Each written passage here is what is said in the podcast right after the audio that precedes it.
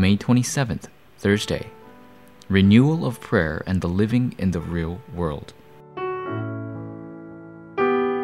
Matthew chapter 16, verses 13 through 20. And I tell you that you are Peter, and on this rock I will build my church, and the gates of Hades will not overcome it.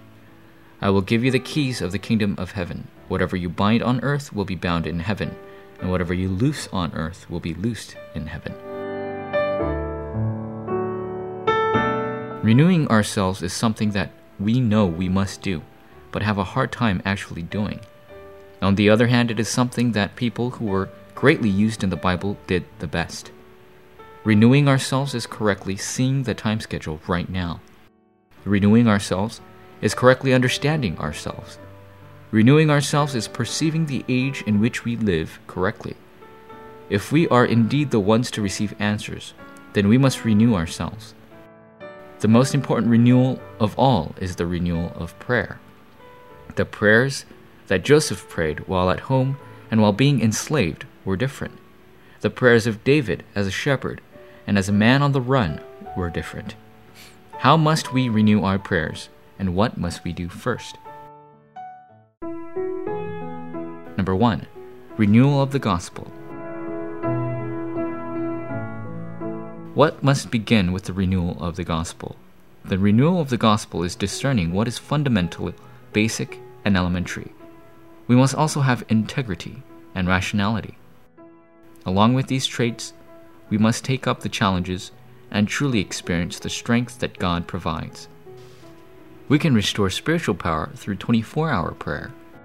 Then we can restore intellectual power through messages or evangelism materials.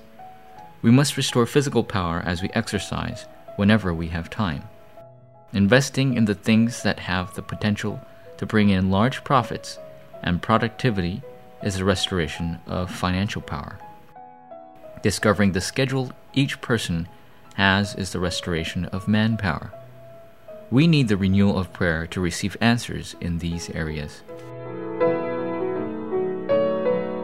Number two, renewal of the things that we do. Along with the renewal of prayer, we must renew the work that we do. We must be able to work 10 times more than others. We must be able to give 100 times more influence than others. And we must have with us a specialty that contains a sense of uniqueness. This can easily be acquired if we enjoy the five blessings. Number three, world evangelization.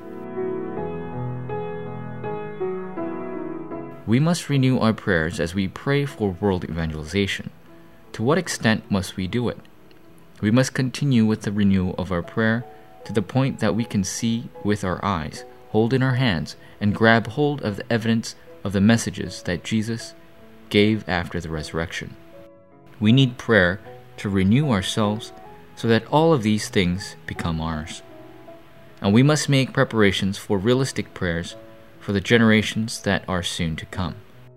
We must renew ourselves with prayers in the gospel so that we can conquer the world, culture, and finances. Forum topic We must make our past a platform and turn the future into our present reality. And we must make today the greatest day for us. Making today the greatest day can be accomplished through prayer and renewing ourselves. How must we renew your prayers today?